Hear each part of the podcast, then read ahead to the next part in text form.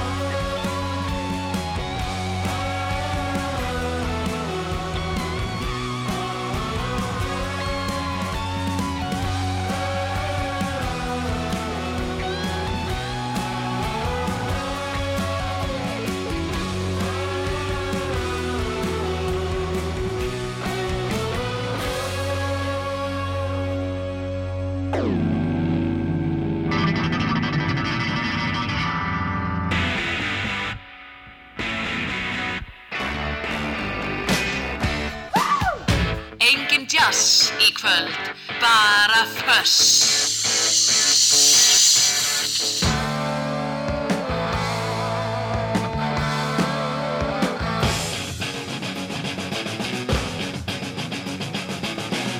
Þetta er þöss Það á að vera hátt.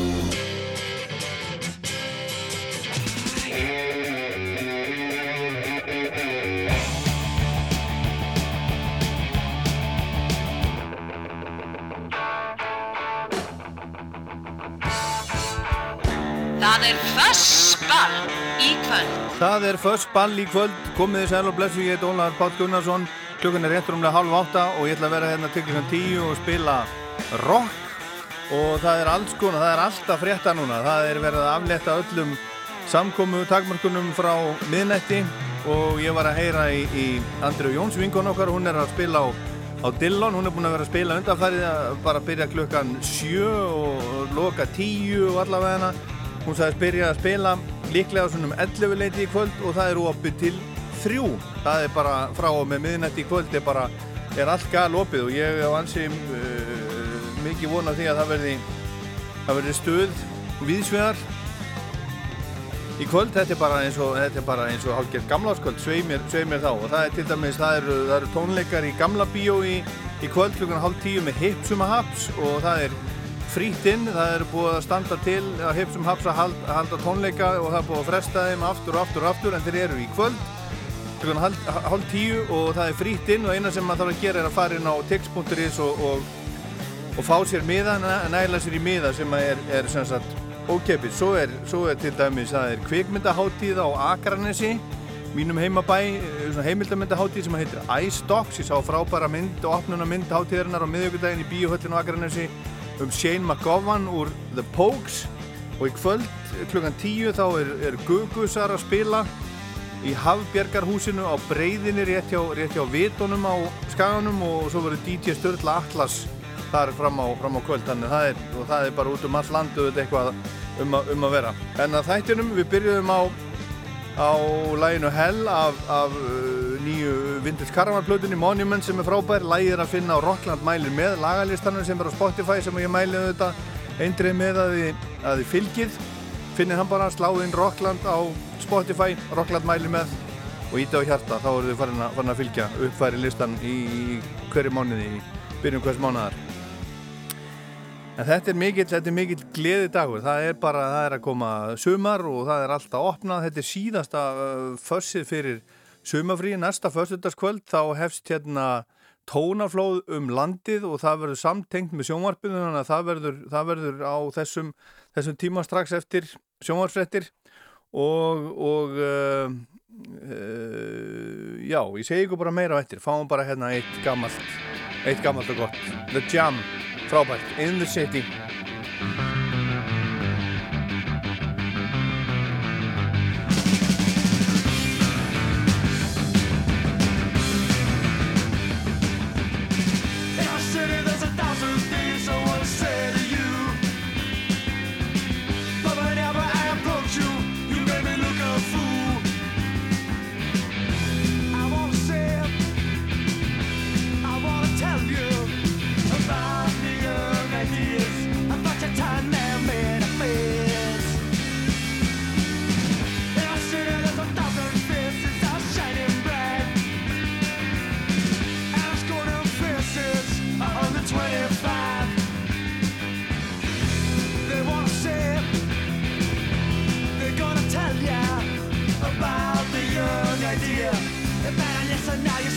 stupid.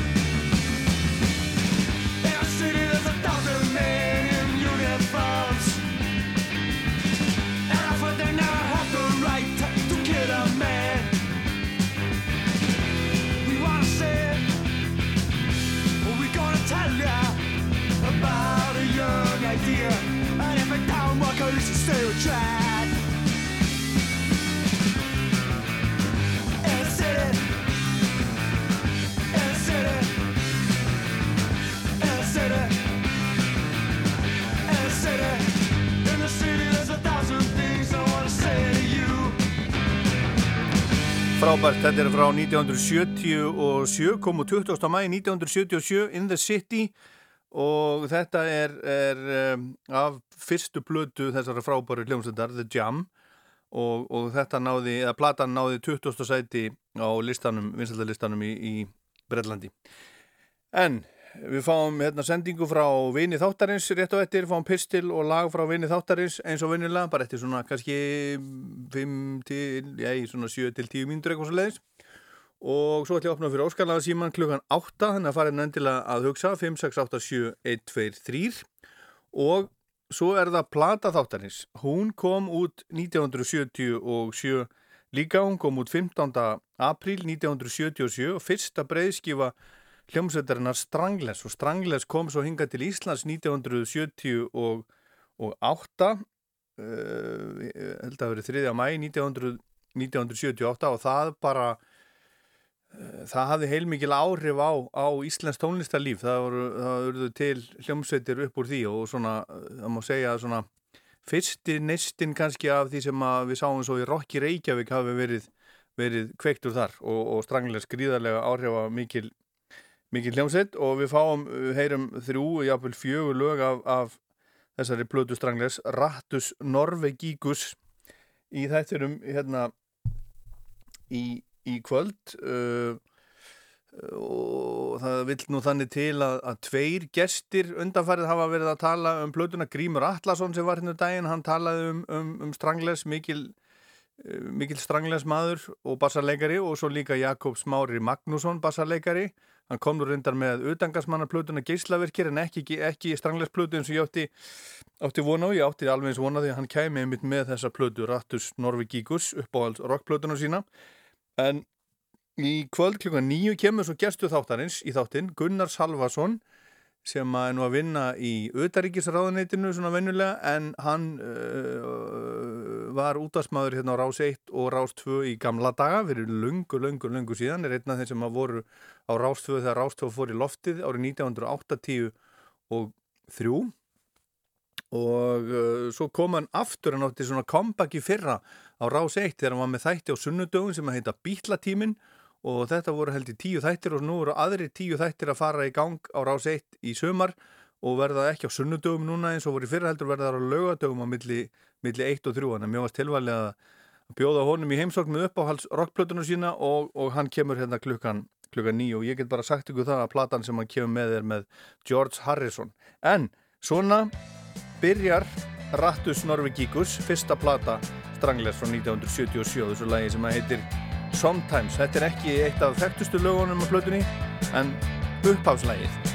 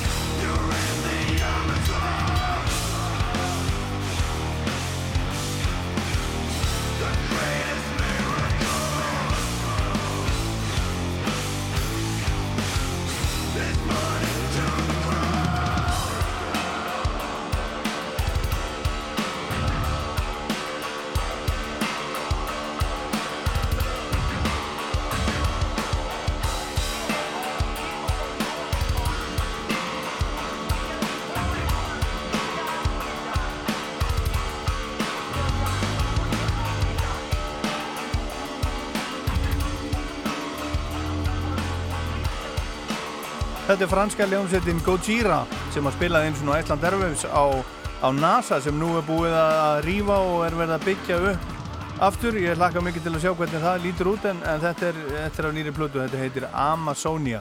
Hlakka mikið til að sjá hvernig, hvernig þeir leysa þetta með, með NASA vegna þess að, að það er bara framlið húsin sem er, er friðuð og þeir rifu held ég allt innan úr húsinu, rifu sem sagt gamla NASA og ég heldur að hafi svona sökt í nýður um, um, um eina hæð og, og eru svo að setja, uh, setja salin einhvern veginn útbúa salin aftur eins og hann var einhvern veginn, uh, skilst mér laka til að sjá það. En þá er komið að sendingunni frá vini þáttarins. Þakku vini þáttarins, nú er vini þáttarins að fara í, í sumafrí eftir þennan þátt eins og, eins og föss, það er ekkert föss í næstu viku og verður ekki næstu vikur og ekki meðan ég verði, verði í, fríi eða verður ekki núna í, í júli það er þetta eins og var í ferðarsumar tónaflóð um landi þá er hljómsveit hljómsveitin Albatross, Haldur Gunnar Pálsson og, og Sverri Bergmann og, og hljómsveit og þeir eru að fara um landið verða á fjórum eða fimm stöðum. Og byrja held ég næsta fyrstudag í Vestmannegjum og eru með gestasöngvara með sér og mikið, mikið stöð og þetta byrja sér næsta fyrstudag og verður í sjónvarpinu og verður líka sendt út hérna á, á Rástfjö og svo tekur Dotti litli við klukkan klukkan nýju og verður með ykkur til, til minnættis en þetta er Tom Petty og vinnu þáttarinn segir einn af ástsælustu tónlistamönnum Ameríku síðustu 40 árin er Tom Petty sem var gítarleikari, söngvari, upptökustjóri en í hugum margar alveg einstakur lagasmiður Tom Petty var fættur 20. oktober árið 1950 en lést því miður 2. oktober árið 2017 fekk hjartastopp á heimili sínu og lést á spítala stöttu síðar og krupning leiti í ljós að hann var stút fullur af alls konar örfandi og verkjastillandi livjum sem orsökuðu þetta hjartastopp. Hann var tæmlega 67 ára þegar hann lést blæsaður. Petty var afkasta mikill á ferli sínum og hóf ungur að spila á gítar og bassa og hans helstu fyrirmyndir voru Roger McGuinn og hljómsveitin hans The Birds, Beatlarnir og Bob Dylan. Árið 1970 stopnaði hann sitt fyrsta band sem var Mudcruds og í því bandi voru með honum meðal annars þeir Mike Campbell gítarleikari og hljómbóstleikarin Ben Montans sem áttu eftir að fylgja Petty nánast allan hans tónlistarferil. Mudcruds starfaði til ásins 1975 og gaf út litlar plötur á þeim tíma en Petty endurvakti hljómsveitina svo aftur 2007 og hún starfa, var starfandi með hlýjum fram að andláti Pettys árið 2017 og á þessu setna tímabili hljómsveitirinnar gáfiður út tvær plötur og Petty spilaði á þeim á bassa. Árið 1976 stopnaði Petty sína eigin hljómsveit Tom Petty and the Heartbreakers og þeir fylgdónum úr Mudcruds, þeir Campbell og Ben Montans og þeirra fyrsta plata kom út þetta sama ár og ég heildina gáðuður út 13 plötur og störfuðu fram að andláti Pettys með hlýjum þegar hann syndi öðrum verkefnum. Og Tom Petty, Andy Heartbreakers náðu strax gífurlum vinsaldum og plöturna þeirra seldust í bílförmum, margar þeirra í tvö og þrefaldri platinusölu og uh, þær hlutu flesta líka mjög, mjög góða dóma, sérstaklega þær, þær fyrstu. Og Tom Petty og Heartbreakers voru frábærir á, á tónleikum og Bob Dylan fekk þá til dæmis til að spila með sér á tónleikatúr árið 1986 og 87 og þeir smelt pössuðu saman og það skapaðist mikil vinátt að milli Petty og Dylans. Árið 1988 til 90 var Tom Petty í uh, Traveling Wilburys þeirri supergrúpu með þeim Bob Dylan, þetta er ótrúlega band. Bob Dylan, Roy Orbison, Tom Petty George Harrison og Jeff Lynne og svo trommarinn Jim Keltner. Og þeir gáðu tvær stóra plötur á þessum tíma sem að seldu skriðarlega og fengu góða dóma og sérstaklega svo fyrri. Árið 1989 gaf Petty út sína fyrstu soloplötu Full Moon Fever sem fekk frábæra dóma og seldist betur en nokkur nokkur platan uh, með Heartbreaker spandinu hafði gert og þar eru, eru nokkur á hans þekktustu lögum eins og, eins og Free Fallin' og I Won't Back Down sem við heyrðum undir hérna áðan. Hann gaf út tvær plötur í viðbótu undir eigin nafni og þó þetta tellist soloplötur, Pettys, þá spiluðu meðlimir Heartbreakers meira og minna undir á þessum plötum. Og Tom Petty var eftirsóttur upptökustjóri og komaði plötu margra á ferlinum og síðasta platan sem hann vannað og kláraði fyrir andlátt sitt var að, að, að var plata Chris Hillman Bite in My Time sem kom út í september 2017 en Hillman var, var áður í Birds ljómsettinni sem Tom Petty dáði svo mjög. Og á þessari plötu spilar og syngur Petty sjálfur í, í nokkur lögum og einnig tveir aðrir úr Birds, þeir Roger McGuinn og David Crosby og að sjálfsögðu koma meðlumir Heartbreakers líka við, við sögum. Við ætlum ekki að heyra lag af, af þeirri plötu. Hér í kvöld heldur ætlum að heyra lag Tom Petty og Heartbreakers af þriðju plötunni þeirra Damn the Torpedoes sem að byrjar á læginu frábæra Refugee sem er svona þekktasta lægið af, af uh, þeirri plötu en ætlum að heyra það sem að vinna þáttarins velu fyrir okkur. Það er lokalag plötunar það heitir Louisiana Rain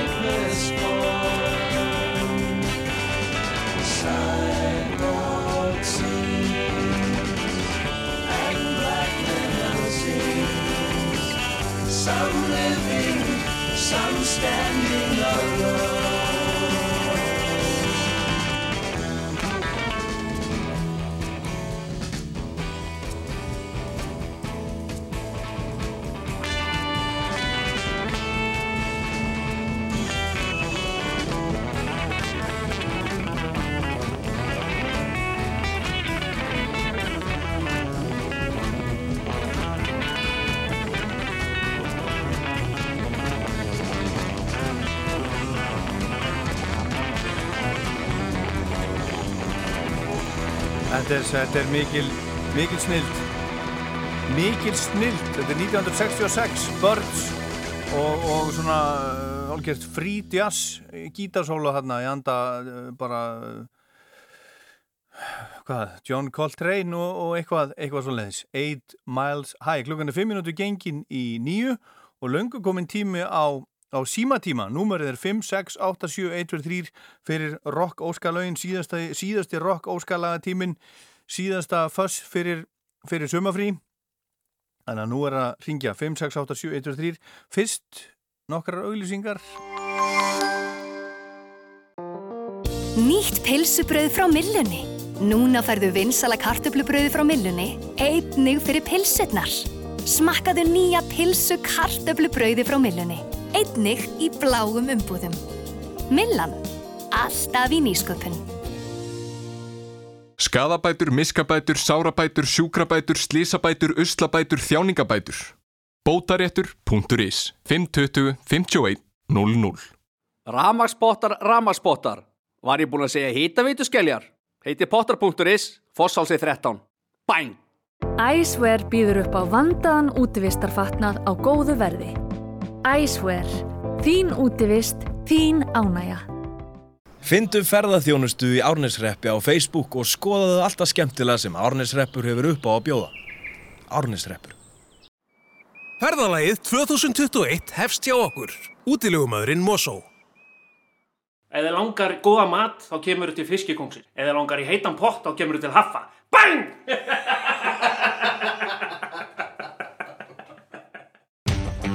Veðurspáin skiptir minna máli ef þú málar með Fassat Resist útímálningu frá Flugger. Hitin má fara nýr í 2 gráður og svo má rigna á hana eftir hálftíma. Flugger litir. Túlípanar, tréklossar og töfrandi menningarlíf. Amsterdam er menningarlegur miðpunktur sem leynir sífelt á sér. Amsterdam er rétt handan við hornið. Æslandi er. Hér er nálagð við það sem skiptir máli. Við höfuðborgina, við söguna, við náttúruna, við þögnina. Hér er gott að vaksa og blómstra. Hér er lífið næs. Fjallarhingurinn, Skarðseiðin, Eiríksjökull og Baulan. Nákvæmlega eins og þegar Snorri og Egil dróðu hér andan. Nema nú er netið miklu betra. Lífið býður þín í borgarbyggð. Njóttu sumarsins. Sólarvörnina færði í Hagkaup. Hagkaup. Meiri sól og sumar. Alla daga. Við erum sérfræðingar í hörðum efnum. Ringgrás, sterkir í brótajárni. Þegar ég grilla kemur bara SS grillkjöt til greina. Úrvalið er frábært, við það bara sjá til þess að grilla þetta góða kjöt af snild og velja gyrnilegt meðlæti. SS. Fremst fyrir bræðið. Kjörvari.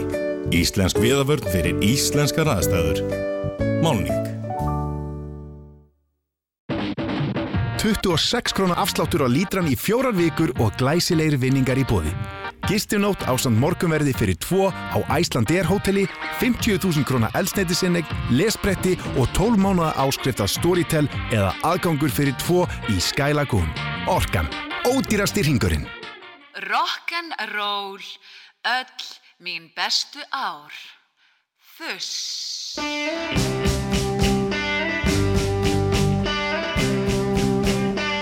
Já, já, það er svona, það er síma, símatími hérna hjá okkur í hjá okkur í Fuss Rock Óskalögin síðasta skipti fyrir, fyrir sömafrí þátturinn að fara í frí núna í júli og, og já, ég held að sem verði bara í frí fram yfir Vestlumanna helgi en það er gott að fá, að gott að fá frí. Ykkur finnst gott að fá frí, sömafrí Mér finnst það líka, líka gott og svo verða stundum svona litla breytingar á, á, á, á dagskrafni og það verður gaman að fylgjast með tónaflóði um landi hérna í, í útarpinu líka núna í, í júli. En síminn núna er 5687123 og það ringja hérna alla línur sem að mér finnst þetta mjög gott. Hver er þar? Já, blessaður. Já, blessaður. Það er Óli Palli. Já, hver er maðurinn? Baldur heiti ég, Kristófer Baldur. Ha, Baldur heiti ég, Kristófer Baldur. Kristófer Baldur. Sætvinnur. Heyrðu, það vitt svo skemmtilega til að ég seldi þér einu sinni klósettpappir. Já, býtum við. Ég, ég var að selja þess að svona fjáröflun hjá FH Já. og þú, þú var svo góður að kaupa klósettpappir hjá mér. Já. Þegar ég var 12 ára. Já. Ég ætla að byrja að þakka þér Já, fyrir það. þakka, þakkaði fyrir. Ég að- örglega komið að góð, góð nótum. Jó, já, vonandi. Já, já. Þannig Svo ætla ég að fá að byggja um Big Country hjá þér. Já, það líst mér vel á. In the Big Country. Já, það líst mér vel á það er vel valið en býrðu það þá í hafnafyrði?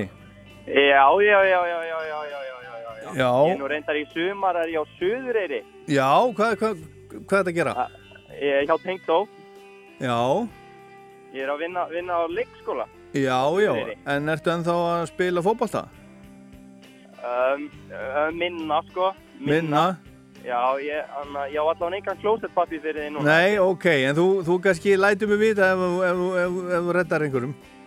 ég gerir það. Herðu, allt í lagi. Herðu, takk fyrir, takk fyrir að ringja, hafa það gott.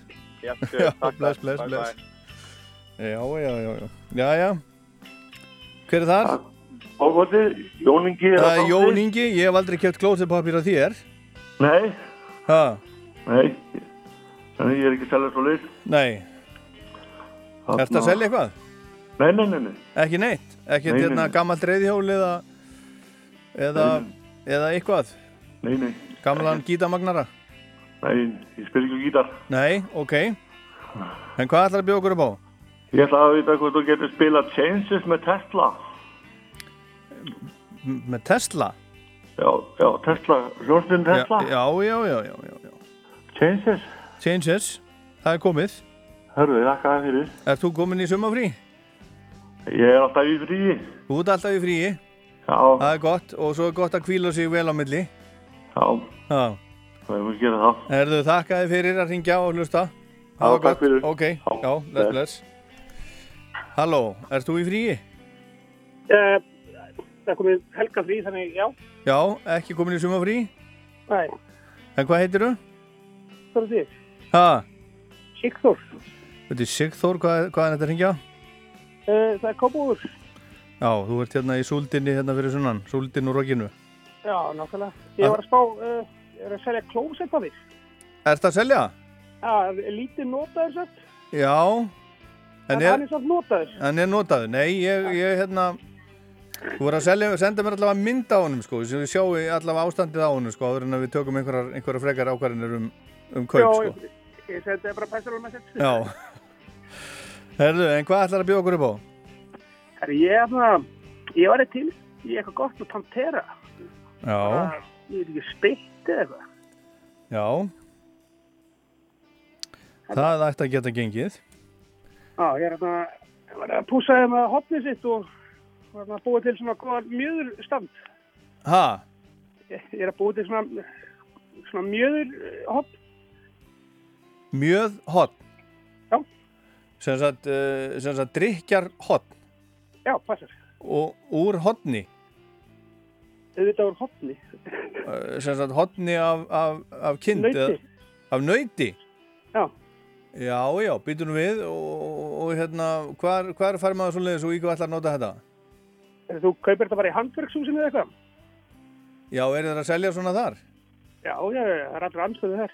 Og, og hvað, þú pússar þetta til og...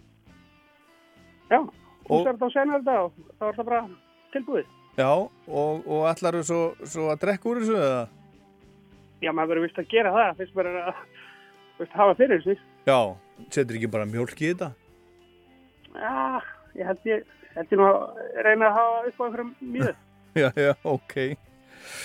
Verðu, hérna, segjum þetta í Billy, takk að þið kellaði fyrir. Já, bara eða gott sumári. Já, sömuleiðis, sömuleiðis, sjáðu gott. Já, Bless, bless. bless. 5, 6, 8, 7, 1, 3, hver er þar? Já, Villa. Ha, Þetta er Villa. þetta er hún Villa vinkona mín, já. Helstu virkilega að þú myndir sleppa? Nei, ég veit það ekki, þú nær nú ekki alltaf inn, sko. Nei, rétt, rétt, rétt. Nei, nei, nei, nei, en hvað hva ertu stödd? Bara heima á Eskifirði. Á Eskifyrði? Já. Er ekki alveg bongo blíða? Alveg bongo blíða. Já. Ha, það er ekki alveg svo leiðis. Alveg stilla. En það er ekki alveg sól svo sem, sko. en- Nei. En það er hlýtt. Já. Ertu, er, ertu komin í sumafrí? Ég er að, já, ég er langt komið með það. Já, já, já, já, já. Og búin að hafa Ég það er gott? snart náttúrulega sögur hérna í kolvillisu veðri. Já, Þú veist hvernig það er. já, já, er ekki langbæst að vera bara heima hjá sér og... Jú, jú, jú, jú, jú, jú, jú. og Og það kom, þegar ég var á leiðinni heim, þá var ég hérna, lendi í slittu og snjókom og hálku á leiðinni, sko. Já, þetta er náttúrulega ekki hægt, sko, í sumafríinu Nei. sínu. Nei, það er svolítið erfitt. En ég er náttúrulega eins og Ragnar Reykjó sem minn er fjallabíl. Já, Reddast. og hvernig uh, fjallabíl er það? Það er bara gammal hérna Forrester. Gammal Subaru Forester? Jep. Er það mjög gammal? Nei, nei, hann er síðan 2013. Hann er. Já, það er ekki neitt, ég er á, ég er á Volvo 2005 Öss. Já, ha, já, já. og hann er bilaður núna. Æ, greið. Þessi er aldrei bíl. Það vantar reyndar í hann hérna aðra framljósagjörn. Ég áttur að Já, hafa mig láta skipta um það. En ég kerði út af vetur. Já, Já, já, mjög, mjög smekklega, sko. Alveg þessi veðri upp á Faradal. já, Ég kerði bara niður fyrir veg. já, Ekki upp fyrir, sko, þar sem ég átt að vera, en þetta er niður fyrir. já, já. Og, og stoppaði á svona snjólofti. Bíllinn fór ekkert áfram, sko. Já, já, það var já. á undir mér. Já, já, já, akkurat. Þetta var mjög smart. Vel gert. Það var svo bílunum. Vel gert. Fara Já. varlega, fara varlega. Já. Aldrei á varlega farið. Herðu, en hvað hérna á ég spila fyrir þig, Vila? Og af því að núna er í frí Já, og þá náttúrulega finnst mér endilega, ég þurfa að fá eitthvað með small faces og þá fór ég að hugsa að það þarf að vera eitthvað svolítið kröftut small faces, það er mörg lög, Já. það er til dæmis þess að E to B, en svo dætt mér allt inn í hug, hérna, You Need Love. já. You need lovin' sem er eins og hólata love. Ja, nei, já, nei, það er You Need Love, because, nei vegna þess að þeir byrjuðu tóku þetta undan Svetlin, Já, ég veit það. já, Já, já, en þess það er þetta You Need Love, Já, já, akkurat. en ekki Whole Her Love. Já. Herðu, ég, ég skelli því á fyrir þig, Vila Vættir. Takk að því það, heyrðu. Já, Partibellirna sem voru hjá mér um daginn, þær eru enn að flandrast á einhverju ölduhúsu. Þú veist, móðusýsturinn og, vinkonan já, og það er bara, þú veist, skilja er, unnur og dísa. já. Herðu, en nú er alltaf opnað maður, það verður ábyggilega bara stöðum all land. Já, ég er nefnilega held að þær verða, eru sko akkurýri núna og það er opið til fimm. Já, það er bara allt opið núna, nú er bara Já. opið allstaðar og bara, Þannig- þú veist, Ég er engar, skítrætt um að það er skítrætt um það, sko. það er ein mjög góð regla þegar maður er að drekka, til dæmis ef fólk er að því að ekki taka ón í sig. Já, taka hvað um þessu. Nú, hérna, drikkin, Já, þú meina, já, já, já. já. ekki taka ón í sig, eins og þegar sko, maður, ég- eins og þegar maður, það er bara svona, eins og þegar maður er reykja, bara púa, ekki Já, taka ón í sig. Já, akkurat, já, já. En sko, mér finnst bara á föstu þegar maður er bara heimi þess að hlusta fest. Já, ég er alveg sammálaðir. Alveg sammálaðir. Og það er, er það er einhver slatt af fólki sem gerir það alltaf, Já, sem, ég er, sem er mjög gott. Fyrsta almennilegu fólki. Herðu, small Já, faces fyrir villu. Já, takk, og hafa þú, þú það gott líka. Já, sem leið, bæjó. bless, bless. Rástu? Hver er þar? Já, einar heiti ég. Sæll Einar. Og hvaðan ringir þú? Ég er bara hringir Reykjavík. Já, Þú ert bara, þú stuðið þér í kvöld. já, já, ég reyna að vera það alltaf, sko. Já, já. Já, já. Ég er ekkert að, er að selja það klóspattir en Nei. það er fullt, af fólki sem ásvöldið eftir þeim að það er að hamstra í COVID. já, já, akkurat. Það fengið ódýrt. já, það gæti verið. En á, að- á að skella sér, sér út á lífið? Herðu, það, það, það eru sömur sem allar bara í sleik í kvöld og allt, sko. Já, bara við, við marga. Alla leið, ég veit ekki, ekki ég, sko, en þannig að að það gæti verið eitthvað stuð í bænum, sko. Já, ég held að það sé, sé margir sem ætla að lifta sér upp í kvöld. Já, ég trú því. Fagna, hérna, fagna frelsinu. Þetta er, þetta, er, þetta er náttúrulega, þetta er rosalegu dagur, sko. Þetta er bara, er bara allt, það er allt, allt opið, sko. Ég held að hljóta verið eitthvað rosalegt í kvöld. Já, það verður ábyggilega vel, vel skálað, skálað Ég veit, ég veit, ég veit ekki hvort maður þorir að fara hann nýr í bæ, sko. Nei, ek, ekki þú ég allavega. Nei, en ég, ég held ég verði bara heima og hafa það rúlegt, en hérna, ég er nú að hugsa tíðin oft þú eru að spila, það er skemmtilegt, svona, ég ég er úr gamla skólanum hérna, alveg frá Deep Purple og Led Zeppelin og Black Sabbath og allt hérna þegar maður var, ég veit ekki, 12 ára. Já, En hérna, ég hef hugsað um Cream. já, Þeir eru svolítið cool þegar Eric Clapton er að byrja hann já, já. Það það ætti kannski eitt, eitthvað svoleiði, sko. Já, hvaða lag? Ég, ég veit ekki, Crossroads eða White Room eða eitthvað, ég, veist þetta bara svona flotti, sko. Já, uh, þetta er hvort vekja fínustu lög, sko, og svo eru náttúrulega fleiri. Ef ekki að taka bara vætrum. Jú, gerð það bara. Já. Ég kýlum á það. Herðu, ljómandi, Heyrðu, það er gott. takk að þið fyrir, takk fyrir að ringja kærlega. Bless, bless. Já, bless. Já, bless. Og þá segjum við þetta gott af, af óskalugum, ég þarf að fara að spila, fíla, finna óskalugin og spila þau.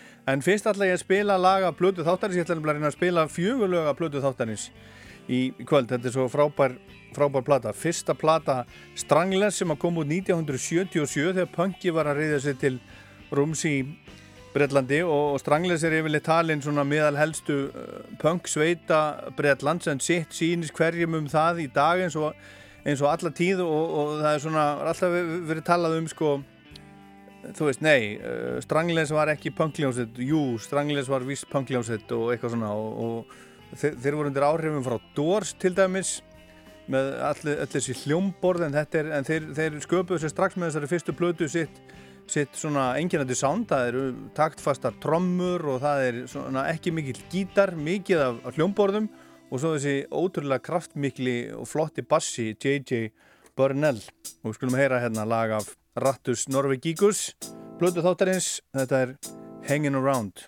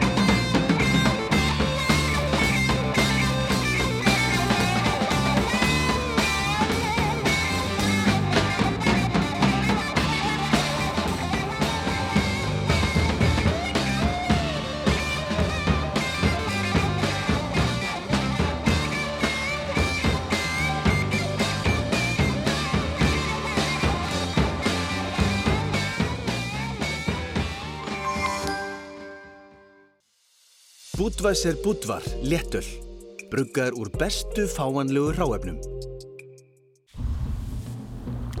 Einmitt svona bragðast ferskleiki, tært íslenskt vatn, humlar og fyrstaflokksbygg. Skál fyrir þér. Viking léttöl. Ísafjörðabær er paradís fjallahjólafólks. Kyktu á vestur.is og kerðu kjálkan í sumar. Er planið að elda veðrið um helgina? Gangi ykkur vel. En Bjart sín þjóð á það besta skilið og þess vegna getur þú alltaf treyst á grillkjötu frá Norlenska. En það inniheldur það engin vonbríði. Norlenska. Hæ, hefur þið heyrta?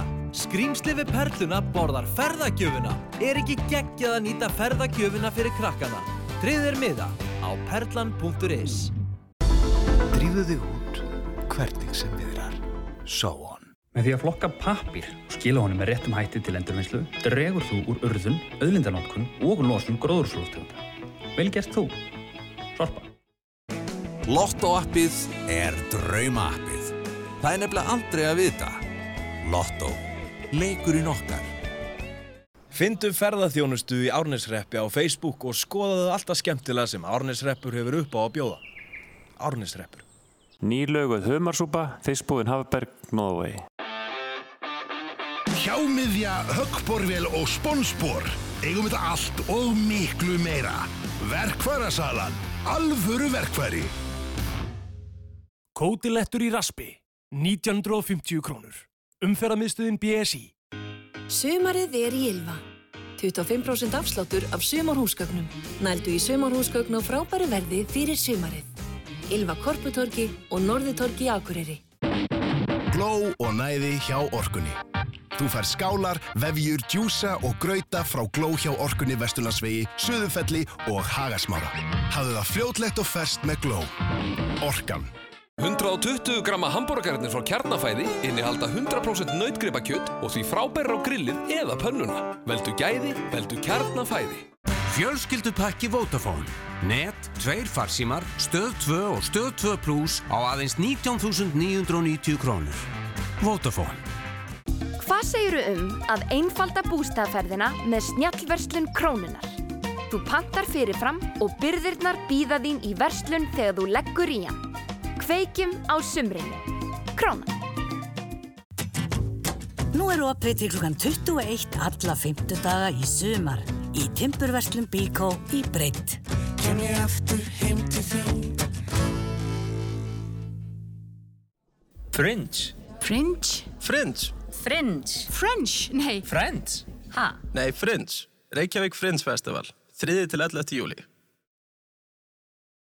Kallið þetta músík, þetta jazz.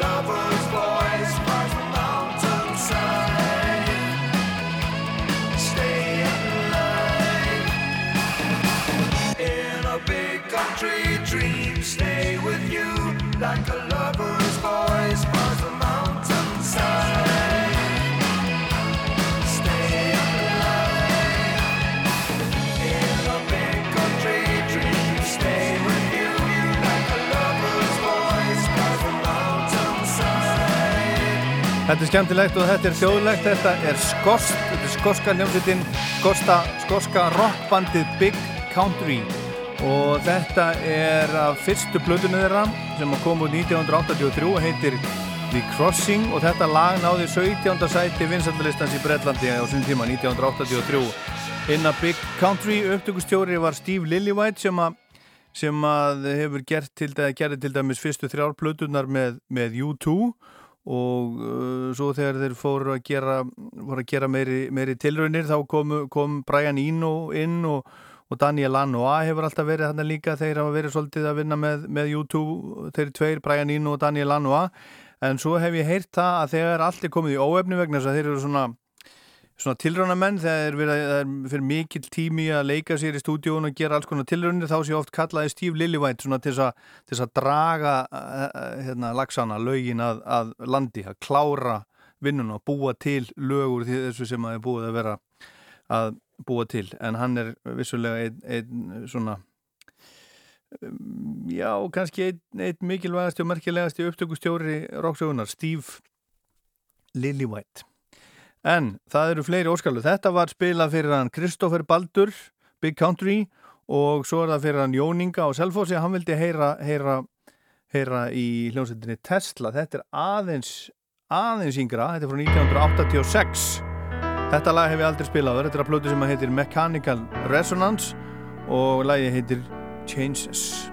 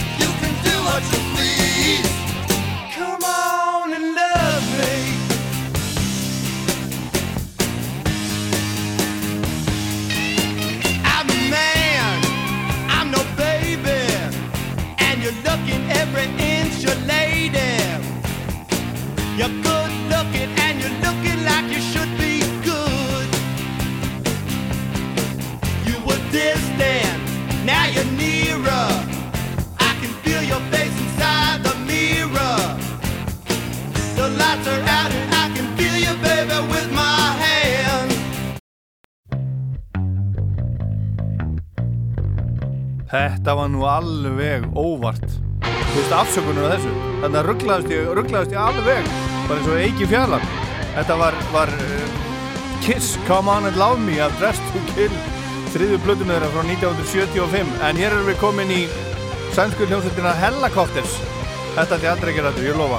Þetta heitir Toys and Flavors.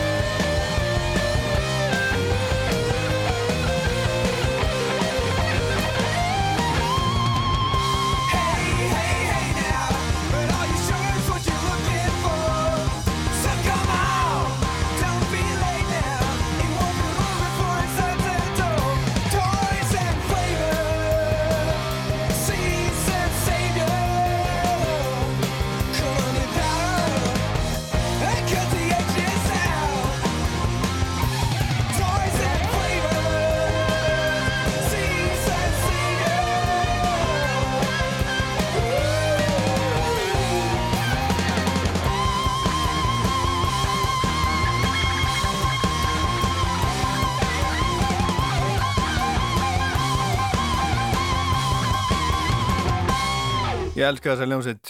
Sænsk Helicopters, The Helicopters, Toys and Flavors heitir þetta lag. Ég sá það einu svona spila á Róaskjeldu og tók við á viðtal og alveg held gríðal upp á það. Ef þið hafi gaman af svona rocki, tekkið endilega endilaðum ef þið, þið tekkið það ekki. Frá, eh, já, eftir svona tíu mínútur þá kemur gestu þáttarins, hann Gunnar Salvason, útvarsmaður með meiru, hann, hann, það er nú ekki hans aðalstarf en hann, hann var með, var með eh, þætti í fyrrasumar á Rás 1 sem að heita Bítlatímin, héttu Bítlatímin og Bítlatímin er að hefja göngu svona aftur á morgun á Rás 1 þeir voru á sunnudögum í fyrra, verða á lögadögum núna millir 1 og 3, hann kemur hérna með uppáhalds rockplötunum sína á ettir en fyrst við að fara hérna eh, heyra tvötur lög og heyrum næst í hljómsveit sem að er svolítið stór í, í Ástrali og Nýja Sjálandi heitir Gang of Youths. Og þetta eru, þetta eru strákar sem að koma hjá, þaðan og, og, og, og hérðan eitt er að hann er, hann er hálfu kóri að búa, hálfu bandarækjamaður og það er sem sagt Young Kim sem er gítarleikari og, og bassarleikarin Max Dunn, hann er frá Nýja Sjálandi og uh, trommarinn sem heitir, heitir Donny Bors, Borsestovski hann er, hann er pólskur og ástralskur og svo er, er uh, býtum við, já, hljómbórsleikarinn hann spilar á hljómborð og fiðlu og, og, og gítar, hann er hann er breskur og svo er svo er einn uh, frá Samoa eigum, en þeir eru allavega þeir gera út frá Ástralju heita Gang of Youths og þetta er nýtt frá þessari hljómsveit og heitir The Angel of, of 8th Avenue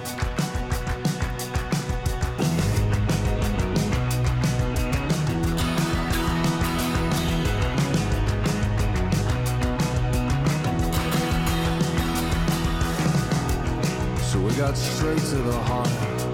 And I was a coward and worse to my shame.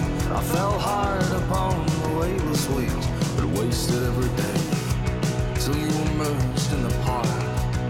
Like some patron of Washington Square. For the first time in a long time. Inside every face looked clear. So I had to find me a job. But I didn't think I would hold this one down. It gives the same old sinking feeling of in my back. But you are good to me still. And when my old man was near the end, you broken body in the same way that I did. I won't let down and be lover of the year in this strange town, strange hemisphere. God, it was state of the art. You called each of my sorrows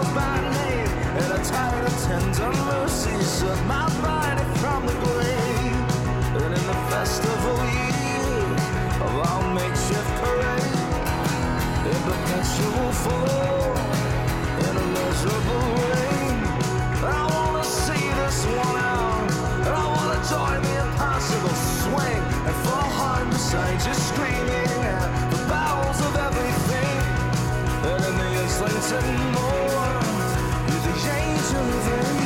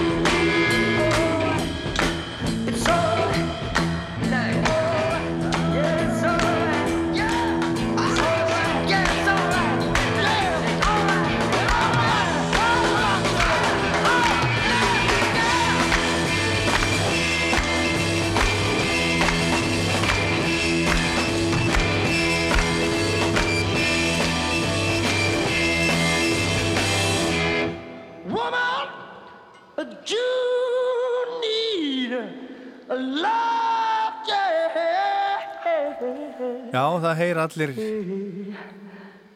sem heyra þetta hvað Robert Plant hvað Robert Plant fekk þetta? Þetta er svona í rauninni grunnurinn að, að Whole Lotta Love eða Whole Lotta Love hefði aldrei orðið til ef ekki hefði verið þetta lag You Need Love en þetta er óskalagi fyrir hann að Villu sem var heima á Eskifyrði You Need Love in Small Faces upp á hall hljómsveitin hennar þetta er af, af um, fyrstu plötu Small Faces sem að koma út á 1966 og þarna er til dæmis lög eins og What You Gonna Do About It og Shalalali er á þessari, þessari plötu og, uh, og þetta You Need Lovin' en svo er þetta hérna.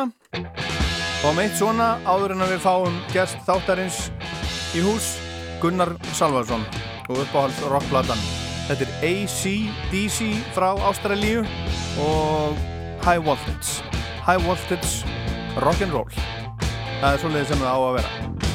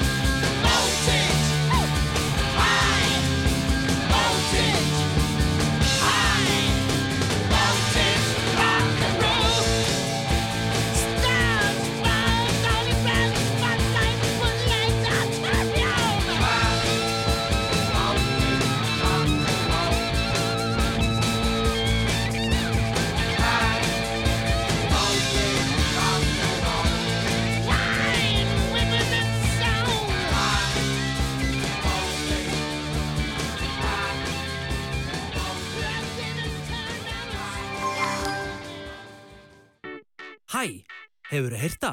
Það er komið enn stærra skrýmsli við Perluna. Stærsti hoppukastan í heimi. Tryggðu þér miða á perlan.is. Æsver býður upp á vandaðan útivistarfatnað á góðu verði. Æsver. Þín útivist, þín ánægja. Finnur þú þrjár miljónir undir happatölunni þinni? Fundið þér, ærlegur og skemmtilegur skafmiði sem fæst á sölustöðum okkar um land allt. Happaþrennan. Skemmtilegt að skafa. Nýlauguð humarsúpa, fiskbúðin Hafberg, Norðvegi. Bjartari tímar á hótelbúðum Snæfellsnesi. Bókaðu á hótelbúðir.is Útsalan er nú í fullu fjöri, ekki missa þessu. Konto gerðu frábær kaup. Betra bak, Reykjavík, Akureyri og Ísafyrði.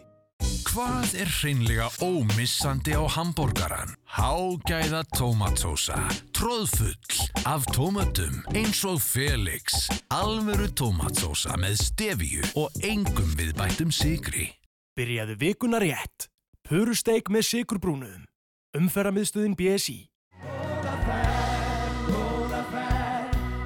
Tónaflóð um landið í júli. Við höldum aftur í tónleikaferðalag um landið með góðum gestum.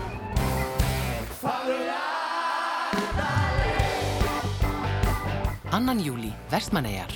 9. júli, Bíldudalur. 16. júli, Akureyri.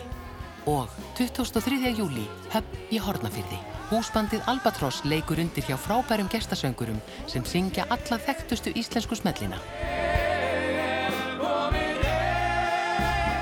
Tónaflóð um landið á föstudögum í júli á Rúf. Einn stærsta vefverslun landsins, alltaf við hendina. Húsasmiðjan fyrir þig. Nói Sirius kynir sumarkroppið 2021. Brakandi fest bananasumar. Nóa kropp með bananabræði gerir sumarið enn bræðbetra. Nói Sirius. Hið eina sanna. Eins gott. Egil's appelsín. Sigurs. Við erum föss. Já, þetta er þátturinn Foss og gestu þáttarins komin hinga til mín og sestur Gunnar Salvarsson, kontur sæll og blessaður. Sæll og blessaður. Uh, Bítla ára sérfræðingur, til dæmis. Ég veit það nú ekki, ég ólst upp á þessum tíma. Jó, segðu já. Já, já, já, já, já. en hérna, hérna þættinni þínir, Bítlatímin, mm -hmm. sem var á rási eitt í fyrrasumar, hann er að byrja aftur núna á morgun, á nýjum tíma á laugadegi, milli eitt og þrjú. Já og margir, margir hlaka til Já, það eru þín orði ég, jú, ah. ég held að, ég held að, að hérna, með að við viðtökuna sem ég fekk í fyrra Já. þá held ég að sé talsverður hópur sem að hlaki til Já, ég hlustaði á alla þettina Já. til dæmis, það er mjög gaman af þú varst að segja mér hérna alls konar hluti sem ég hafði ekki, hafði ekki hugmyndum og bara skemmtilegt hvernig þú settir þetta upp en hvernig svona, svona, svona hugsaður þetta og hvernig kom þessi hugmynd, hugmynd til? Já, hún kom náttúrulega til bara í COVID-inu þá ég, var ég fjárvinnu heima hjá mér og, og átti þetta aldrei að lausum tímum og fór að grúska aðeins í, í samtíma heimildum frá sjötta ára, frá sjönda áratögnum um það hvernig viðbröð samfélagsins voru við bítlónum og bítla tónlistinni. Já. Og það kom mér svo mikið og óvart að því ég er náttúrulega bara svo ungur drengur á þessum árum sjálfur. Já.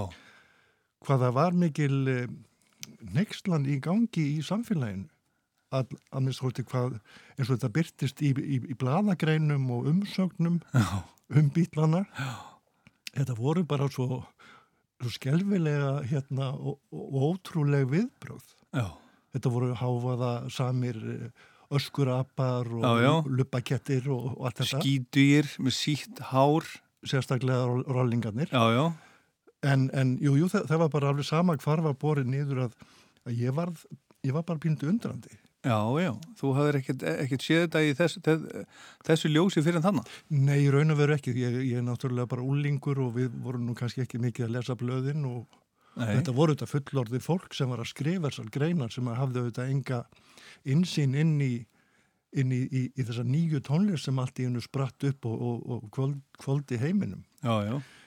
Og þá fór ég að velta fyrir mér að það væri gaman að gera þessu skil með einhverjum hætti og ég fór að föndra við það að búa til svona útvarsþátt Aha.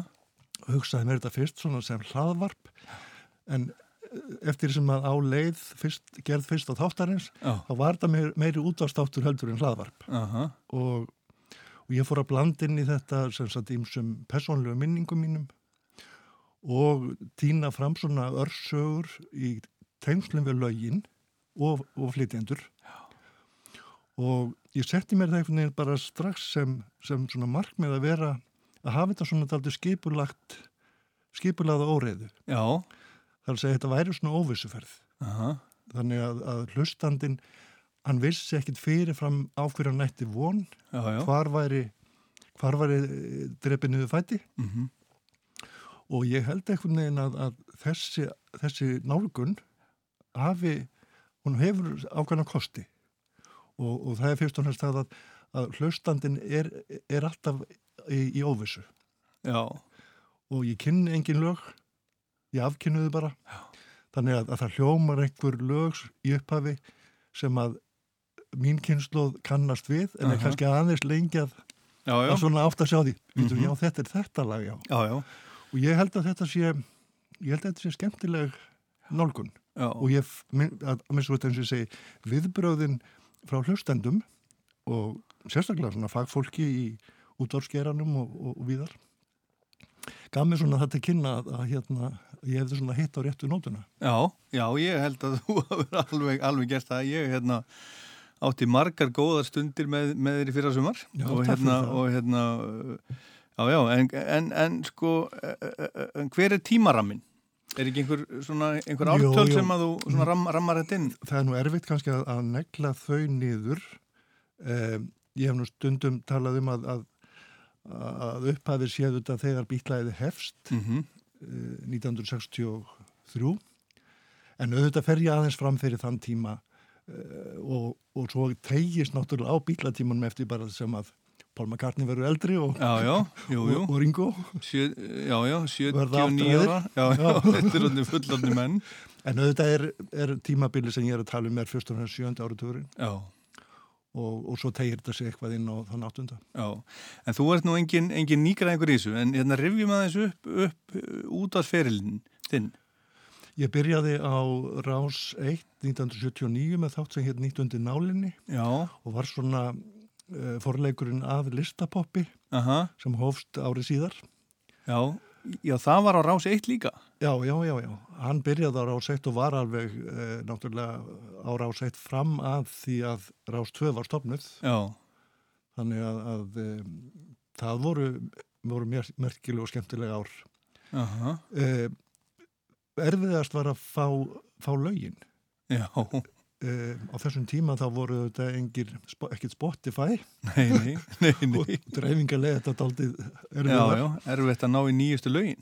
Já, ég var svo lánsamur að, að hérna að uh, ég fór til London sér, sérstaklega ferð til þess að, að reyna að kynnast einhverjum, einhverjum búðarmanni í Our Records í London Já, til eða? að beðja hann um að senda mér vikulega nýju löginin á top 20 Í alvöru? Já, já Það fóru náttúrulega í þetta helmingun á laununum en, en, en, en, þetta var svo skemmtilegt Já, já, menn, menn er í þessu að passjó. Akkurat og, og hérna og ég var- svo lánsamur að, að sagt, annar strákurinn sem að tók þetta verk að sér hann var, var bara góðu vinnu minn og, og við áttum í þessu sambandi þessu viðskipta sambandi í, í fjölda ára, alveg með að listapopp var og hétt til Já. 1986 Já, það var til 86, en fór það þá, þá yfir á Rástvö? Já, já, það var komið yfir á Rástvö bara strax og Rás Já, já, já, já, þannig að þú ert, þú ert einn af upphafs, upphafsmönnum Rástvö 2. Já, já. Þá vorum við hérna niður í kjallaranum í, í Já, já. Eftirleiti. Þorgeir og Jónatan og Já, já. Marga Blandar og fleiri. Jú, jú, Magga og, og Jónatan eru hérna þá, en, en, en hvað hérna þetta var til 86, á hverju hættið hættið þetta eða, eða hættir þú? Ég bara mann það ekki. Þetta bara, þetta bara loknaðist út af. Já, Nei, ég- loknaðist bara út af. Ég held að hann verið bara ástæðan verið svo að þetta var kominu þetta sérstökur ás fyrir poptónlist. Já. Og uh, það voru allir meira minna að spila vinsalstu lögin. Já. Og þessi þáttur hafði ekki lengur þess að sérstöðu sem hann hafði eh, í upphafi. Nei, en þe- þetta var ekki svona vinsaldalisti, Nei. þetta var bara svona nýtt. Jú, Ný- þetta var vinsaldalistin, þetta voru vinsaldalistan í Bandaríkjum og Breitlandi eða Já. uppustöðu. Mhm. Breski listin eh, sko breyti svo Já. að, að útvarpið átti ekki plötunar. Bandaríski listin var yfir sko þannig að allar plötur voru komnar því að það tók alltaf 6-8 vikur fyrir lög að komast inn á top 20 Já. í Já, já. Og svo voru einstakar svona vinsa lög í öðrum löndum sem ég, sem ég týndi fram. Já, já. Samhliða þessum þætti, sem listapopja á Rástvö, þá fór ég af stað með, með jazz þátt, eða svona þáttum sveifluna. Já. Frá árunum 1925 til svona 45 Já, er það? mið, og miðvíkudöfum. Já, já. Þá sagði hann margir hætti að vera rása rétt músík og fannst nú ekki mikið til koma. Já. En þá fekk ég skyndilega sérst áhuga á tónlistin sem ég hafði farið á misvið sem badd sem var sérst tónlist fóreldra minna Já, og eldra, eldra fólks. Aha. Frank Sinatra, Ella Fitzgerald og Benny Goodman og allt þetta sómafólk. Það, það allt saman? Já, já. Og Já. þessi stóru sönglega höfundar sem að voru að mínum dómi svona sex og, og, og, og breyttu þetta öllu í svona uh, í dægulega, dægulögum á, á þessari öld. Mhm. Þá er ég að tala um Gosvin og Porter og Harald Allen og Richard Rodgers Mhm. og þessa stóru, þessi stóru nöfn. Og ég hafði persónulega svo mikinn áhuga á þessum, já, já. þessari tónlist. Og, og þarna var ég auðvitað dálítið á tveimur vikstöðum. Heldur betur. en, en ég var með nú er lag í talsvöld mörg ár og Já, hétt það nú er lag. Já. Og það, það var á Rástvö. Það var Rástvö. Já. Ég, ég byrjaði hérna sko 1991 í byrjun ás. Já. Þú varst, þú varst Þá var ég farinn. Þá, var, þá, þá varstu farin sko. Já. Já, af hverju hættir þú? ég var bara búin að, að uh, koma mér í svona starf sem að tók mikinn tíma. Ég var Já, á þessum árum frá, já, já. frá 1986 Já, já, já, já. og uh, svo var ég að fara út í nám. Já, í hvað? Í samt fræði hertanlausra, Já, Deaf já. Studies og uh, þá einhvern veginn var auðvitað bara sjálf hægt. Já. Það voru svona aðra skildur og það verður alltaf verið þannig að, að þessi útvarsmennska og þessi þáttagerð fyrir útvarp hefur verið svona hliðarstarf. Áhugamál, fyrst og fremst áhugamál. Ég hef Já. bara haft svo mikla ánægja af þessu.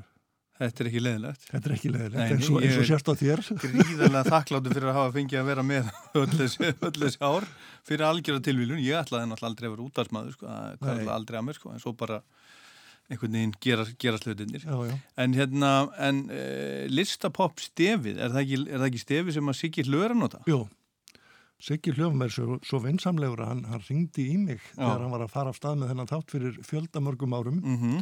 og spurði hvort hann mætti nota það. Já, en, en hvaða lag er þetta? Þetta heitir Writing og er með Yellow Magic Orchestra. Já, þetta er Yellow Magic Orchestra. Og uh, ég man nú ekki það fyrir ég fann þetta lag en mér fannst þetta skemmtilegt. og- Þetta er flott lag. Þetta er flott lag. Stuði í þessu? Já, já, og hérna ég sagði nú við Sigga ef hann vildi auglýsa rást tvö þá voru sjálfsagt að, hérna nota þetta lag. Já, já. En nú er þetta orðið svo greift auðvitað við hann. Já, já, þetta er, já, já, algjörlega, algjörlega, já, já, en hann var náttúrulega að taka þetta vegna þess að þú varst hérna 80s já, já. með þetta sko. Já, já. En hérna, uh, þú ert að vinna hjá auðaríkisráðunitinu þegar ekki í dag. Jú. Hvað gerur þar? Ég er búin að vera þar í 16 ár, ég byrjaði hjá Þróunarsamfunstofnun Íslands Já. sem, sem svona upplýsinga og kynningastjóri. Og svo þegar uh, svo stofnun var lögð niður og, og hennar starfsemi færð yfir í ráðunetið, Mhm. þá fylgdi ég með Já, eins og allir aðrir og ég hef fengið semst við það að, að kynna íslenska þróunarsamfunnu fyrir almenningi og það gerum við núna fyrst og fremst með um, fréttaflutningi á vísi. Við erum með svona, svona upplýsingaveitu í ráðuneytunum sem heitir Heimsljós, þar sem eru fréttir greinar og, og, og alls konar upplýsingar um þróunarsamfunnu. Já. Og fréttirnar byrtast daglega semst á vísi líka. Já, já. Eru við að standa okkur samil í þessu? Já, já, við erum að standa okkur ágætlega í, í þessum ættum auðvitað að gera betur eins og, eins Já, og, eins og fleiri sviðum en já, já, við erum að gera það og, og hérna við erum að nýta okkar, okkar fjármagn vel að myndómi. Já. Herðu, tölum um músík. Mhm. Ég gerir bara ráð fyrir því að, að bítlarnir séu upp á hljómsveitiðin. Já, já. Það er rétt. Það er alveg hár rétt. Já. En, en, en, en það er svo margar upp á sljómsveit. Já, sko, þú komst með uppáhalds rockblötuna, við hérna förum í hana hérna rétt á eftir, en, en hérna og heyrum tvö lög á henni. Fyrst ætlum við að fá eitt, eitthvað annar lag sem ég ætla að lifa þér að velja bara hér og nú, með til dæmis hljómsveitinni sem er, í, er svona næst uppáhalds. Já. Og, e- og þú eitthvað, e- eitthvað, og þetta er náttúrulega rockprogram, sko. Já, já, já, já. Nú, þetta er svona, þetta er svona, nú Þetta kem svona ég þér og bara- ó- óvörum. Já. Sko, Rolling Stones er alltaf uh, hljómsveit nummer tvö. Já. Því þetta var ekki þessi, það var ekki þessi andúð á milli Nei, þessara sveita. Þetta voru sömu aðdáendurnir og, og Rollingarna hafa átt alltaf stóran hlut af mínu lífi.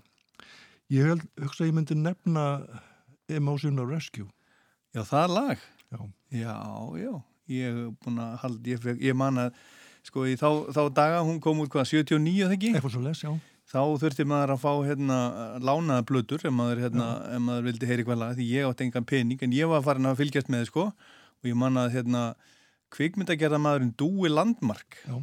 skagamaður, sem er, held að sé, þreymur að fjórum árum eldri ég, ég bankaði upp á ég honum og fekk lánaða blöðuna til þess að ég geti farið með hann heim og tekið hann upp á kassetu. Ok. Þegar ég var svona 10 ára. Eða 11 ára kannski. Herðu, við skulum heyra Emotional Rescue.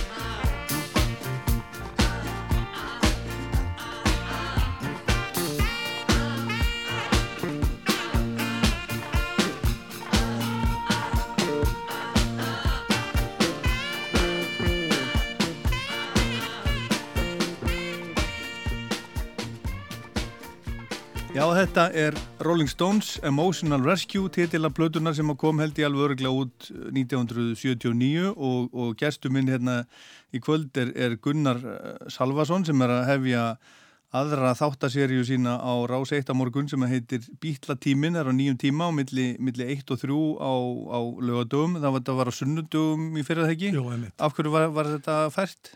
Ekki hugmynd. Þú hef, Ég kom, ekki, nei, ég kom ekki náldi. Nei, en þetta er ekki, Þetta er ekki verið tími. Ekki, ekki, ekki verið tími og hérna, það er svona aðeins önnur stemning á lögadögum og sunnudögum. Jú, jú. Og hérna, og, og kannski hefur þröstur dagskrafstjóri eitthvað verið að spá í sko hvað er í gangi á Rás 2 á sama, sama tíma, svo það sé nú ekki verið að bjóða upp á samskona prógrum á báð, báður rásunum í einu.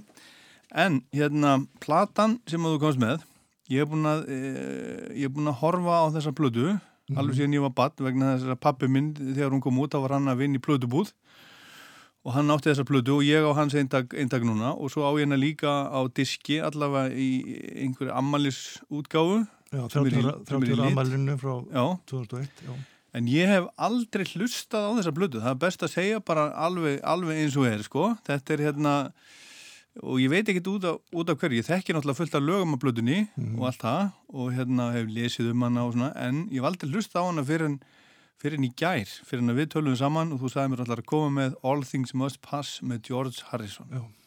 Og hérna, e, sko, eftir að hafa hlustað á hana einu sinni, þá, þá var ég fyrir smá vombriðum. Já. Já. Seg, segðu mér hvað, hvað er svona frábært við þessa blödu? Sko ég, ég hérna, hef bara ekki átt fleiri ánægu stundir með nefni plötu heldur en þessari. Já. Ég er búin að eiga náttúrulega 50 ár. Já. Og hún hefur fyllt mér bara nótt og dag, má segja. Ég, ég er búin að uh, binda svo miklu ástfólstri við þessa plötu og þessa tónlist Já. að ég þekki hann út og einn.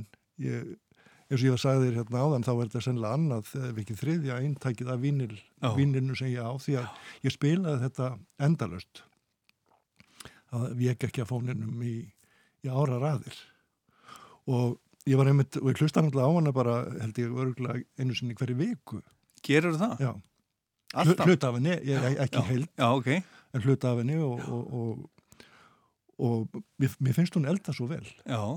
Mér finnst hún alveg alvegjulega tímalus En hvað, sko, eh, sko hvað ertu gammal þegar, þegar hún kemur út? 17 ára. Það ertu 17 ára, þetta tengist ábyggil eitthvað svona einhverju tímabili í lífið þínu þetta Já, hefur verið já. góðu tími eitthvað svona og þetta hefur verið hljóður ás lífsins á þeim, þeim, þeim tíma.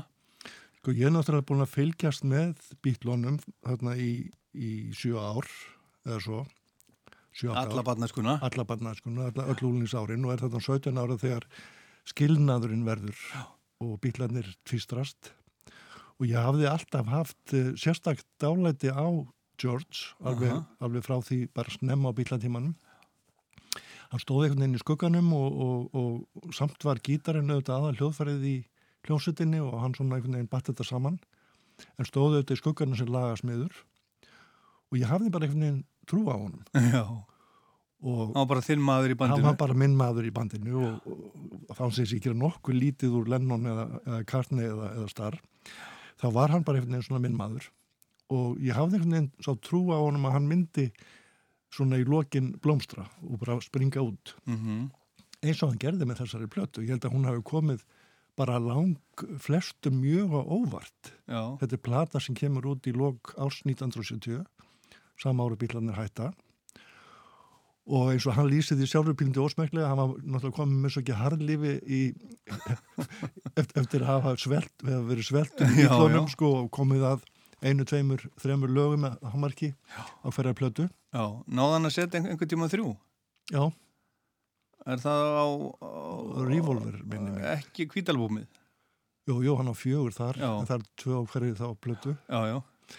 En, en, en hann hafði auðvitað sínt það og kannski sérstaklega auðvitað á Abbey Road, síðustu plötu bílana að hann var alveg jafningi þeirra félagana Lennons og McCartneys í, í lagasmíðum. Já, já, Hann átti það af- bestu lögin þar. Mikið af frábærum lögum. Something Here Comes the Sun. Já. Og, og hann átti kynstinu öll af lögum þegar bílarnir hætta. Já, og eru þetta sem sagt, uh, sko, á All Things Must Pass, eru þetta lög sem hann hafið þá verið að sapna upp á bílárunum? Já. Þetta eru lög frá 1966 og til 1970. Já. Og lög sem að bílarnir voru búin að gera frumdrög að og hafði ekki, hafði ekki náð, náð fram, fram, fram, fram í, í plötuna, plötuna sjálfar sko. Hafði, Já. ekki- hafði ekki verið hljóðrituð en, endanlega. En, en þarna eru lög frá, frá til dæmis 1966. Og Phil Spector sem að Harrison fekk nú til liðs við bílana til Já. þess að vinna Let It Be plötuna eftir að hún hafi verið lengi í, í, upp á heillu úr ykkfallið hann, hann eh, kom til hans og, og fekk að kíkja eða Harrison baði um að kíkja á nokkur lög hjá sér. Og hann var mjög undrandi því að hann sá náttúrulega að þarna var bara hvert legið að vera betra. Og þetta voru ekki bara 10-20 lög, þetta voru bara eins og hundruður laga sem að drengurinn hafði sapnað upp. Og þeir, þeir fóru í gegnum þennan bunga og, og niðurstaðan er þessi plata sem er þreföld. Já. Það eru tvær tvær, eh, tvær, platnana eru, eru semst með hans hans eh, lögum og textum og þriðja platan er svona bónusplata sem er með svona djammi þar sem að hljóðfærarleikarnir taka aðeins á sprett svona mm. -hmm. settir já. En þetta er, þetta er hérna gaman og skildir koma með þess samblödu og, og ég, maður er alltaf að segja það, það er, það, það hérna, þýr ekkert að þykjast af að hlusta á okkur sem maður hefur, hefur ekki hlustað á, þannig ég bara er, er nýr í þessu, ég, ég þekki náttúrulega fullt af lögum af plötunni, svona, svona þekktustu lögin, sko, en, en hérna en, en svona fyrsta hlustun, hún, hún heitlaði mig ekki mikið, sko. Nei. Ég þarf að hlusta betur. Þú þarf að hlusta oftar, já, Já. eins og öll góð verk já. sko, fyrsta hlustun er, það er ekkit að markana Nei, nei. þetta er líka svo stórt, þetta er svo, þetta er svo mörg lög sko þetta er svo umfangsmikið að maður þarf að svona Já. taka þetta í einhverjum rólegum, rólegum skrifum. En við ætlum að hlusta á tvö lögablöðinni sem þú, þú ætlar að velja. Á hverju, á hverju að byrja? Af því að þetta er nú rockþáttur þá Mhm. ætlum við bara að hafa þau svona í rockaðar í kantinum Já. og við skulum byrja á What is Life What is Life?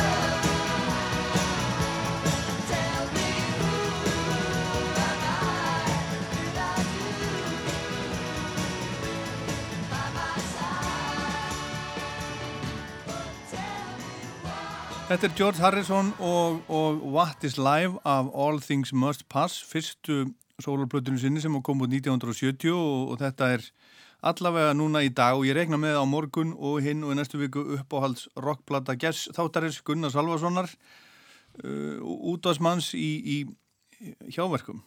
Já. Það ekki? Jú, Já. sannarlega. Og, og hérna, hérna fyrsti bítlatíma þátturinn á morgun klukkan eitt, uh, hvað er þetta, tíu þættir? Þetta eru tíu þættir, tvekja tíma þættir. Já. Þannig við erum að horfa á 20 klukktíma af bítli. Já, og, og nóg nó efni eftir? Já, já, það, það var hægt að halda áfram alveg endalöst. Já. En, en uh, þetta er svona setni serían, við, við gerum ekki ráð fyrir framhaldi. Er það ekki? Nei. Akkur ekki? Ég veit það ekki, það er, það er minnst skust ekki í kortónum, það fer auðvitað kannski eftir viðtökum, en, en, en það er minnst skust ekki talað um fleiri en, og ég er svona lýsið þessu sem síðari seríunni. Já, já, við skulum, við skulum nú bara, skulum nú bara sjá, sjá, sjá til, sko. Það hlýtur að vera, sko, eins og þú, eins og þú settir þetta upp allavega í fyrra. Er þetta, er þetta svona sama, sama format á þessu? Já, já, ég, þetta er svona sama nálgun en bara nýja sögur og, og, og, og hérna nýjan minningar og ný tímarettsbrot og, svo er ég að blanda þess eh, bókmyndunum inn í þetta, það var einsir íslenskir höfundar skrifað um bílana og, og ég refi upp hvað þeir hafa sagt um þá. Já, ég er að lesa mitt, sko, hérna núna Hallgrim Helgason, konan við þúsund gráður, hefur lesið hana? Nei. Þar er sko aðal söguhetjan sem að segja söguna, þar lýsir hún uh, því þegar hún þegar hún dansaði við og kisti John Lennon í Hamburg 1960 Já, já. og hérna Það eru bílaminningar bara í mörgum bókum. Já. Ótrúlega mörgum. Sjómaður og Borgarnesi trommaði með minnsunni í, í Hamburg og svona Já, já. Sko ég, ég á náttúrulega einhver persónlega minningar til miður en, en, en nokkri sem ég hef svona heyrt af Já. hafa hittu þá eða sáu þá Já, og manni finnst það mikið til koma. En hefur þú séð, á- séð á sviði? Enga. Engan af þeim? Nei. Ég trúi þeir ekki. Ég sá Paul McCartney á Anfield einu sinni og einu sinni Köpmanöfn. Já. Það var, var skemmtilegt. Ég trúi því. Sérstaklega á Anfield. Já. Það voru mörg tár sem, að- sem að fjallu það, er í kringum mig, sko. Já, ég var, sko, í fyrra sumar uh, var ég búin að, að skoða það að sjá hann í Lúka á Ítalíu. Já. Af því ég var búin að bóka mér hús þær á svipuðum tíma. Já. Það fór allt úrskeiðis út af dollu. Jú, jú, jú, jú, þetta, þetta, þetta, já, þetta dálítið það breytti hansi mi- ansi Ansi miklu. sko. En nú erum við komin tilbaka, nú er bara allt, allt op, opið frá með morgundeginum eða miðnætti. Frá miðnætti, já. Já En- en mikið frelsi. Svipað frelsi og Harrison upplifði þegar hann saði skilið við bílana. Þeir liggja hann eins og ráfiði á síðu plötunar já. í formi svona garðalva. Akkurat.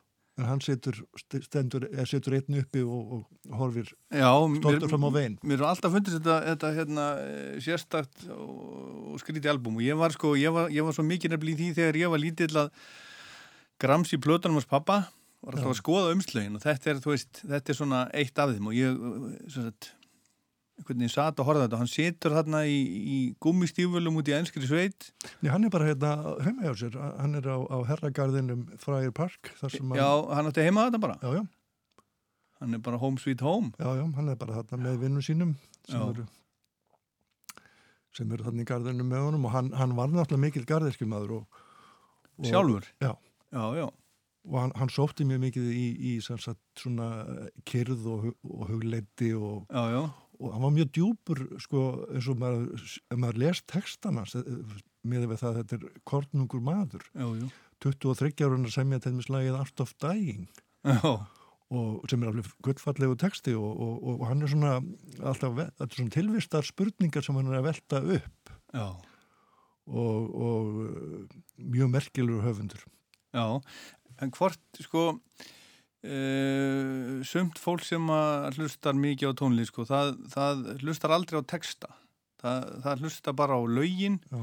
svo eru sumi sem heyra lögin fyrst, svo koma textanir inn eftir á Já, ég, sé, þeirri deilt Já. ég hlusta fyrst á lögin en síðan fer ég að, að hlusta eftir textunum og þegar við erum að tala um sko manni eins og George Harrison sem gefur svo mikið af sér í textunum, af sjálfum sér. Já. Þetta eru hans hugleðingar, hans ákall til almættisins, hans ástarsögur. Þá gefur það manni svo, svona sterkar nærveru af höfundinum Aha. og þess vegna finnst mér ég bara þekkjan. Já, Ég hann- finnst bara eins og ég hafi þekkt hann alltaf. Hann er bara vinur þinn. Hann er bara vinur minn, hann Já, er já. bróðir minn. Ég, ég, skildi, ég skildi mjög vel, ég á eitt svona vinn sem heitir Neil Young. Bara, hann er bara vinur minn þó að, þó Já. að hann þekki mikið neitt, sko. Hann er eina af svona mínum topp 5 myndi ég segja í, í hérna bestu plötum allra tíma, það er After the Gold Rush. Já, já, hún er æðisleg. Hún er æðisleg. En ég veit ekki eins og hvort þér finnst hún besta plata Youngs eða ekki. Nei, mér finnst sko, mér finnst til að fyrsta platan með Crazy Horse best, Já. Everybody Knows This Is Nowhere, en After the Gold Rush er æðisleg líka, ég hlustaði bara á hana í síðustu viku. Já, já. Já, já, já. En hérna, en uh, listapopparinn Gunnar Salvason, er hann, er hann ennþá að fylgjast með? Ertu ennþá að hlusta á nýja músík? Já, já. Já. Ekki náttúrulega eins mikið kannski eins og ég gerði áður en, en ég hlusta alltaf Já. eftir nýri tónlist og sérstaklega hef ég verið að hlusta núna eftir nýri íslenskri tónlist uh Aha. núna síðustu bara misserinn og mér finnst uh, hún er mikil gróska og ofbóðslega mikið af góðu íslensku efni að koma fram. Mikið um að vera. Mikið um að vera. Er- ég dái eitthvað- náttúrulega. Já. Indislega platanar frá því fyrra. Já. Og ég hef nú svona með áránum next meira svona út í við köllum svona svona, ég vil alltaf því þjóðlega kenda tónlist. Já. Svona rólega og notalega. Jaha. Ég hef aldrei séð fegurðina í gattavýrnum. Er það ekki? En, hel, en hérna heldur skelter. Allt í lagi. Já. En sko, í tónlist er ég að leita fegurð. Já, já. Og einhverju sem að lætur mig líða vel. Mhm. Eh, Stundum fyrir þetta eftir skapferðli og Já, já. allstæðum og allt þetta eins og Já, þú já. veist.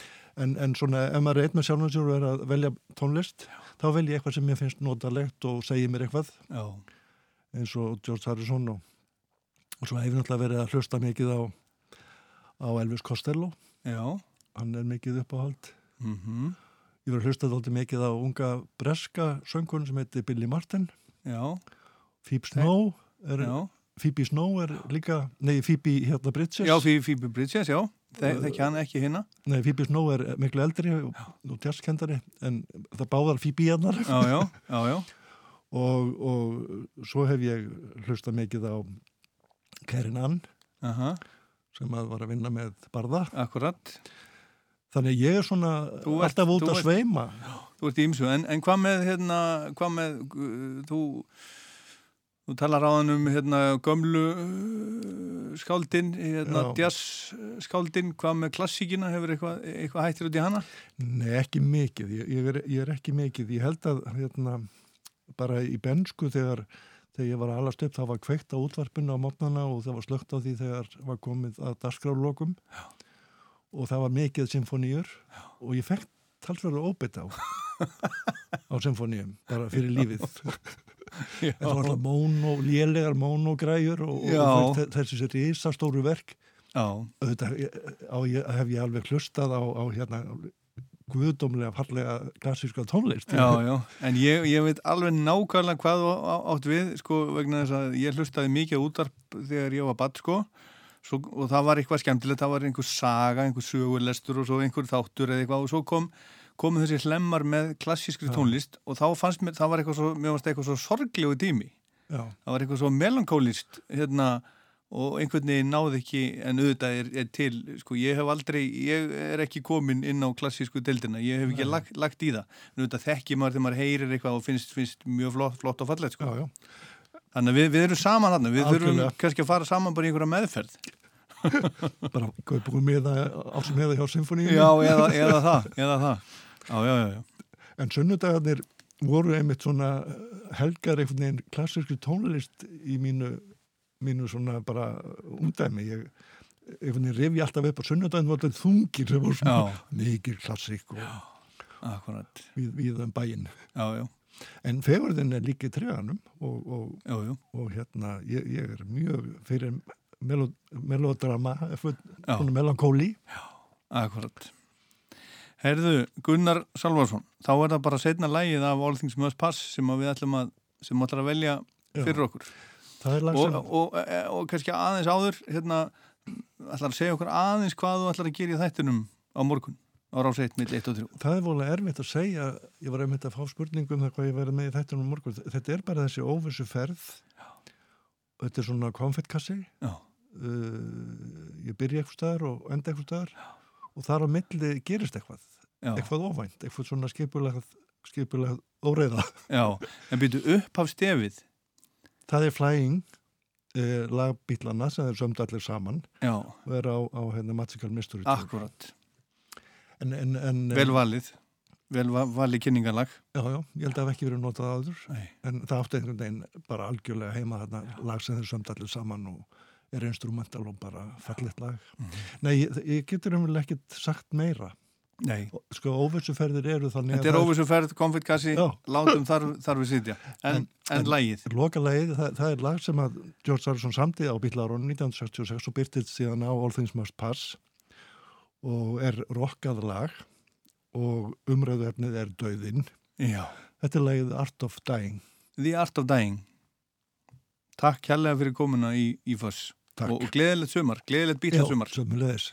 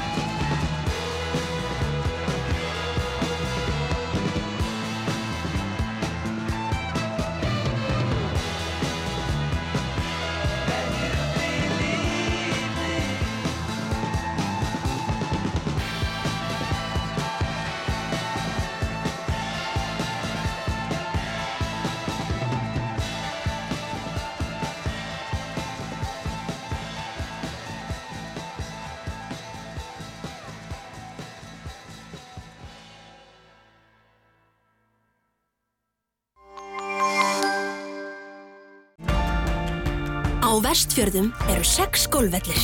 Kíktu á vestur.is og keirðu kjálkan í sumar. Fastegnasalan Torg. Við veitum topp þjónustu, kraftur, tröst, árangur. Fastegnasalan Torg. Sumarið er í Ylva. 25% afsláttur af allri sumarveru. Ylva.is Þú veist aldrei hvar eða hvenar lukkutölurnar byrtast þér. Þess vegna borgar sig að hafa Lotto-appið alltaf klárt í símanum. Til að klára málið. Lotto. Appið okkar. Útiflísadagar í Álfaborg. Mikið úrval af útiflísum á tilbósverði á útiflísadögum í Álfaborg. Kíktu við í skútuvóin. Álfaborg. Allt á gólfið. Sumarið er tíminn til að ganga á fjallið sem blasir við þér. Njóta útivistar í góðra vinna hópi og takast á við nýjar áskoranir. Drífu þig út hvernig sem viðrar. So on. Kallið þetta músík, þetta jazz. Þess er miklu betra.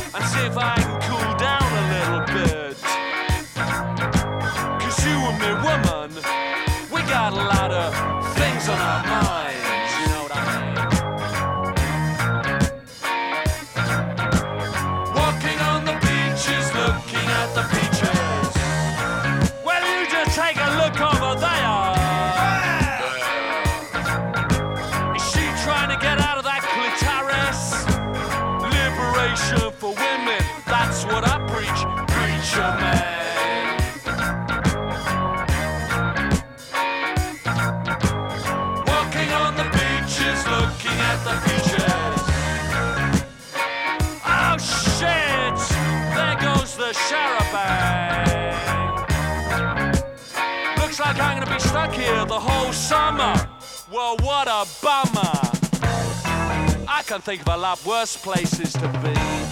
Like down in the street, or down in the sewer, or even on the end of a skewer.